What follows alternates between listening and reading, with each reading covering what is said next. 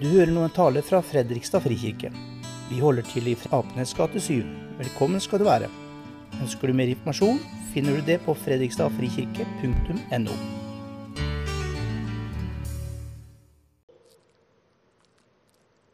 Å elske Gud.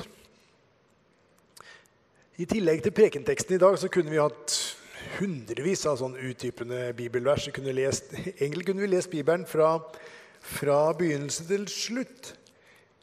Tenker at det kanskje kan blitt litt mye, men da blir det nå isteden litt sånn overfladiske forenklinger. Litt sånn naive fortolk fortolkninger. Som det er veldig lett å være uenig i. Jeg kjenner at jeg er litt uenig i sjøl, jeg. Eh, og jeg syns i hvert fall at jeg er litt sånn unyansert i det jeg skal si. For et av problemene jeg har når jeg skal forberede taler, det er å liksom kutte ned og, og holde meg til ett poeng. Faren min sier at det er ikke nødvendig å alltid måtte starte med Adam og Eva. Eh, men så Ja, i første Mosebok så skapte Gud mennesket. Eh, med fri vilje så elska menneskene Gud og hverandre. Det, det, var det som var å være skapt i Guds bilde. Og Første Mosebok kaller dem Adam, som på hebraisk betyr menneskehet, og Eva, som betyr liv. Gud velsigna menneskene, ga dem en hage de skulle forvalte, og han ga dem et moralsk valg om hvem skal definere godt og ondt. Og De velger altså sjøl å ville være som Gud tenker mer på seg sjøl enn andre, følger sitt eget hjerte. Og menneskelig samhandling og preges av egoisme, vold, korrupsjon. Hjertet deres fører utviklingen i en sånn stadig nedadgående spiral som ender i Babel. Og Som en redningsplan så velger Gud én familie som skal være hans representanter, som kan lede menneskeheten tilbake til han. Så velger, så velger Abraham og gir han sin velsignelse. I deg skal alle verdens folk velsignes. Det er et forsøk på å gjenopprette forholdet til Gud og til medmennesker. Og reparere menneskeheten tilbake til begynnelsen. Men åssen går det? Altså For hver ny generasjon så fornyer Gud løftet til Abraham, Isak, til Jakob. Og så blir de verdensledere som, som hjelper folkeslag til å skape en ny hage. Nei, de gjør ikke det. Bortsett fra i små glimt så velger de seg sjøl, sitt eget hjerte framfor Gud, og, og, ender i Egypt som slaver. Men Gud gir ikke opp. Moses han leder folket ut av Egypt til Sinai-fjellet, hvor de blir i ett år. Eh, og her møter Gud dem, inviterer dem inn i en pakt hvor Israel skal virkeliggjøre dette løftet til Abraham å være velsignelse til alle folkeslag. Og pakten bekreftes da Moses blir gitt ti bud. Dere skal være et hellig folk, sier Gud.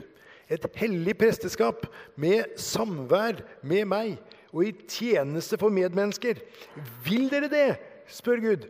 Ja, ja, det vil vi, sier hele folket. Og det første de gjør, er å støpe en egen gull Gud. Så for å prøve å korrigere denne kursen da, så gis dem nye lover som de sier de skal holde, men som de bryter. Så da utvides lovene, men de brytes også. Det er stadig nye forsøk som gjør at det slutt er 613 lover. Det er 248 du skal, og det er 365 du skal ikke. Så én negativ lov for antall dager i året. Litt sånn for å bli trykka litt ned hver dag. Og I tillegg så ble lovene gradert. De var delt i tunge og lette, viktige og veldig viktige. Så da ble det selvfølgelig diskusjoner om hvilke som hørte til hvilken kategori, og hvilken lov som er den første. Det er jo sånn religiøse folk alltid diskuterer. Og sånn gikk altså 40 år i ørkenen. Og ved inngangen til sitt nye land så samler Moses folket. Han gjentar loven. Han gir sine siste formaninger. Det er dette her egentlig femte Mosebok er. Og prekenteksten er derfra. Dette er de budene, forskriftene og lovene som Herren deres Gud har pålagt meg å lære dere, for at dere skal leve etter dem i det landet dere går inn i og skal legge under dere. Du skal frykte Herren din Gud så lenge du lever. Det hørtes nesten akkurat ut som det Therese leste, men det er altså fra et helt annet sted. fordi at det er femte Mosebok. holder på med dette her. Du skal frykte Herren din Gud så lenge du lever, og holde alle hans bud og forskrifter som jeg gir deg. Både du og din sønn og din sønnesønn, og du skal få et langt liv. Hør da, Israel, legg vind på å leve etter dem. Da skal det gå deg vel, dere skal bli tallrike, slik som Herren, dine fedres Gud, har lovet deg i et land som flyter av melk og honning. Hør, Israel. Herren er vår Gud. Herren er én. Du skal elske Herren din Gud av hele ditt hjerte, av hele din sjel og all din makt. Disse ordene som jeg pålegger deg i dag, skal du bevare i ditt hjerte. Du skal gjenta dem for dine barn og snakke om dem når du sitter i ditt hus, og når du går på veien, når du legger deg, når du står opp. Du skal binde dem om hånda som et tegn og ha dem på panna som et merke. Du skal skrive dem på dørstolpene i huset ditt og på portene dine. Eh, dere har sikkert sett altså, Tefillin det er de to lærboksene som etter jødisk tradisjon festes til panna eh, og til venstre armen under bønnen. Og de inneholder den teksten her. Og i, så I flere tusen år så har jødene bedt morgen og kveld. Hør, Israel. Herren er vår Gud. Herren er én. Du skal elske Herren din Gud av hele ditt hjerte, av hele din sjel og av all din makt. Den bønnen her kalles shema. Eh, etter det første ordet, som er 'hør'. Shema Israel. Hør. Som betyr både å være oppmerksom og lytte, men også det å forplikte seg. Det er både høre og gjøre. Akkurat som hvis faren din sier 'så hør etter', da! Så betyr det som regel at han forventer en slags sånn handling også oppi det der. I den bønnen så er Herren skrevet med store bokstaver fordi det er Jave. Jeg er. Nå og før og i framtiden. Det er én hellig, allmektig Gud utenfor tid og rom. Å elske, det er et handlingsord. Altså, det er det sentrale verbet i Shema. Og da er spørsmålet hvordan skal du da elske? Jo, du skal elske med hjertet. Oldtidshebraisk det har ikke noe ord for hjerne. Så alt foregår egentlig i hjertet. For jødene så innebar liksom hjertet både tanker og følelser. Altså Det var begjær og glede og sorg, det var i hjertet. Men også intellekt, kunnskap, visdom. I tillegg så er det sjel. Og på hebraisk så er det ikke sjel liksom personligheten vår som gjemt et sted inni kroppen. Den er på en måte liksom selve kroppen. Altså Den er hele mennesket. Mennesket har ikke en sjel. Mennesket er en sjel. Derfor så oversettes ofte sjel med, med 'jeg' eller 'meg'. Altså Sjelen er, er mitt liv, egentlig. Den er hele meg. Og ordet for makt det kan egentlig oversettes med, med 'veldig' eller 'mye'. Det er altså et adverb. Å elske Gud med sin myehet, det er å gi enhver anledning, mulighet, liksom all sin kapasitet til å ære Gud. Så Shema sier altså å elske Gud det er å dedikere tid, krefter, tanker, interesser, hjerte, sjel, makt. Altså alt man er, alt man har, til Han. Så går det 1200 år, eller 1300 år, eller noe sånt. Eh, det er utvalgte fariseere, herodianere, sadukere. De har blitt sendt til Jesus for å lure han inn i problemer ved å stille litt sånn utspekulerte spørsmål. Og en av dem skriftleide, som hadde hørt på dette ordskiftet og lagt merke til hvor godt Jesus svarte, han gikk bort til ham og spurte Hvilket bud er det første av alle? En skriftleid, altså. En ekspert på loven og profetene. Han kunne store deler av Mosebøkene utenat. Så han spurte altså ikke fordi han ikke hadde lest loven og, og skriftene, men, men, fordi han var en religiøs diskusjonsekspert. Og Jesus svarte, det første budet er dette. Hør, Israel, Herren er vår Gud. Herren er én. Du skal elske Herren din Gud av hele ditt hjerte og hele din sjel og hele ditt sinn og all din kraft. Det andre er dette. Du skal elske de neste som deg selv. Ikke noe annet bud er større enn disse.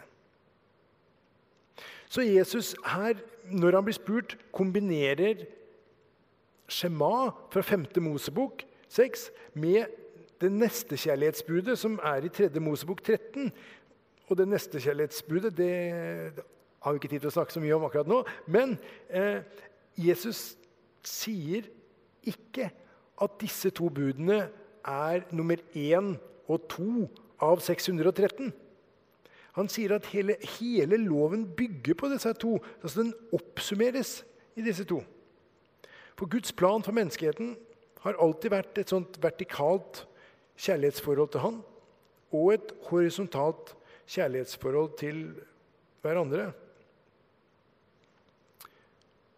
Den skriftleide sa til ham ja, du svarer godt, mester. Det er sant som du sier. Herren er én, og det er ikke noe annet enn han. Å elske ham av hele sitt hjerte og all sin forstand og all sin kraft og elske sin neste som en selv, det er mer verdt enn alle brennoffer og andre offer.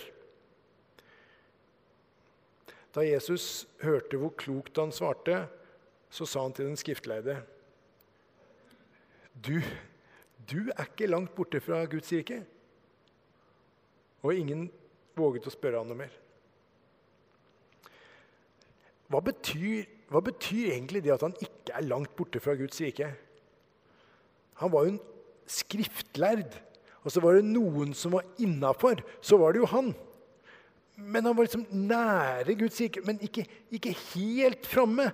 Hva betyr det, liksom? Eh, prøv litt hardere, vær litt flinkere, litt prektigere. Press deg sjøl litt mer.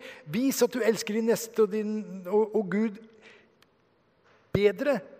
Da er du innafor. Er det ikke det Jesus sier, da?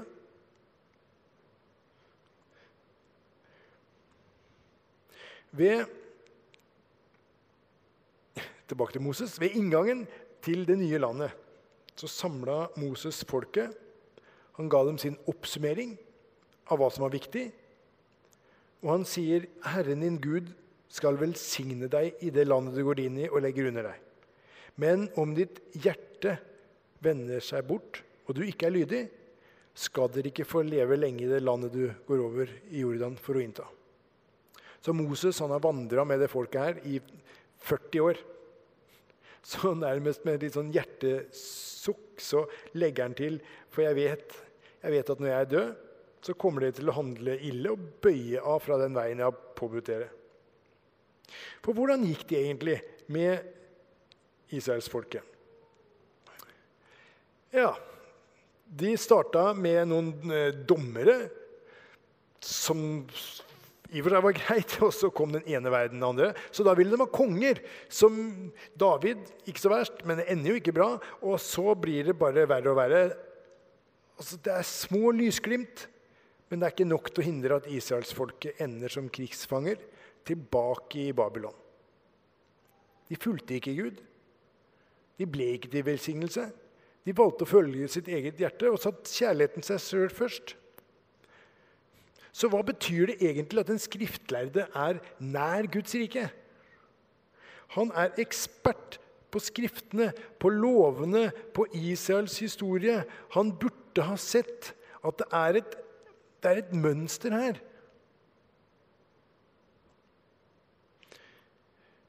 Jesus sa, 'Dere, dere gransker Skriftene, for dere mener at dere har liv i dem.' men det er de som vitner om meg. Likevel så vil dere ikke komme til meg så dere kan ha liv. Jesus sa hjertet er problemet. Det er ikke bare hva du gjør, det er hvem du er. Hva er det det neste den skriftlærde burde ha sagt? Jeg får ikke til Jesus. Altså Utvendig praksis det kan jeg klare, men, men hjertet mitt klarer jo ikke å oppfylle buda. Hjertet mitt er problemet, skulle han ha sagt. Og jeg tenker at Hvis, hvis skjema er det fremste budet, hvis det er det som teller, det er det Gud måler etter, det er målestokken Altså, Hva skal jeg si da? Som som ung tenåring på bedehuset så sang jeg 'Jeg vil gjøre mitt liv til en lovsang til deg'. Og nå, 40 år etterpå, så må jeg bare si jeg har, jeg aldri elska Gud og min neste. Ikke fem minutter engang. Ikke sånn som loven krever. Elske Gud av hele mitt hjerte, hele min sjel, hele mitt sinn og all min kraft. Og elske min neste som meg selv. Jeg klarer, jeg klarer jo ikke. Altså, Jeg skulle ønske jeg fikk til, men jeg svikter jo stadig. Jeg svikter meg sjøl, jeg svikter andre, jeg svikter Gud. Jeg gjør ikke det jeg vil. Jeg, jeg er motivert av egen vinning. og jeg, jeg, jeg tenker på, mer på meg sjøl enn andre og følger mitt eget hjerte. Jeg har brukt så, Hvis jeg skal være ærlig, så har jeg brukt så altfor lite av min tid, mitt intellekt, mine krefter, mine ressurser, min, min, min kjærlighet for Gud. Og min bønn blir Jesus, jeg, Jesus, jeg trenger deg. Altså, du, er, du er mitt eneste håp. Og det burde jo ha vært en skriftleidesbønn også. Det er bare Jesus den eneste som har oppfylt loven om å elske Gud og sin neste. For han, han elska Gud så, så inderlig, så totalt, av, av, hele sin sjel, sitt sinn, sin kraft. Alt han gjorde, var fordi han elska Gud. Han elska sin neste som seg sjøl, med alt han var, alt han hadde, alt han gjorde. Selv om han var på slutten redd lot seg piske, torturere, håne, ydmykes, lot din og min skyld presse han ned i mørket, så var bønnen hans ikke som jeg vil, bare som du vil. Fordi han elska Gud, fordi han elska oss.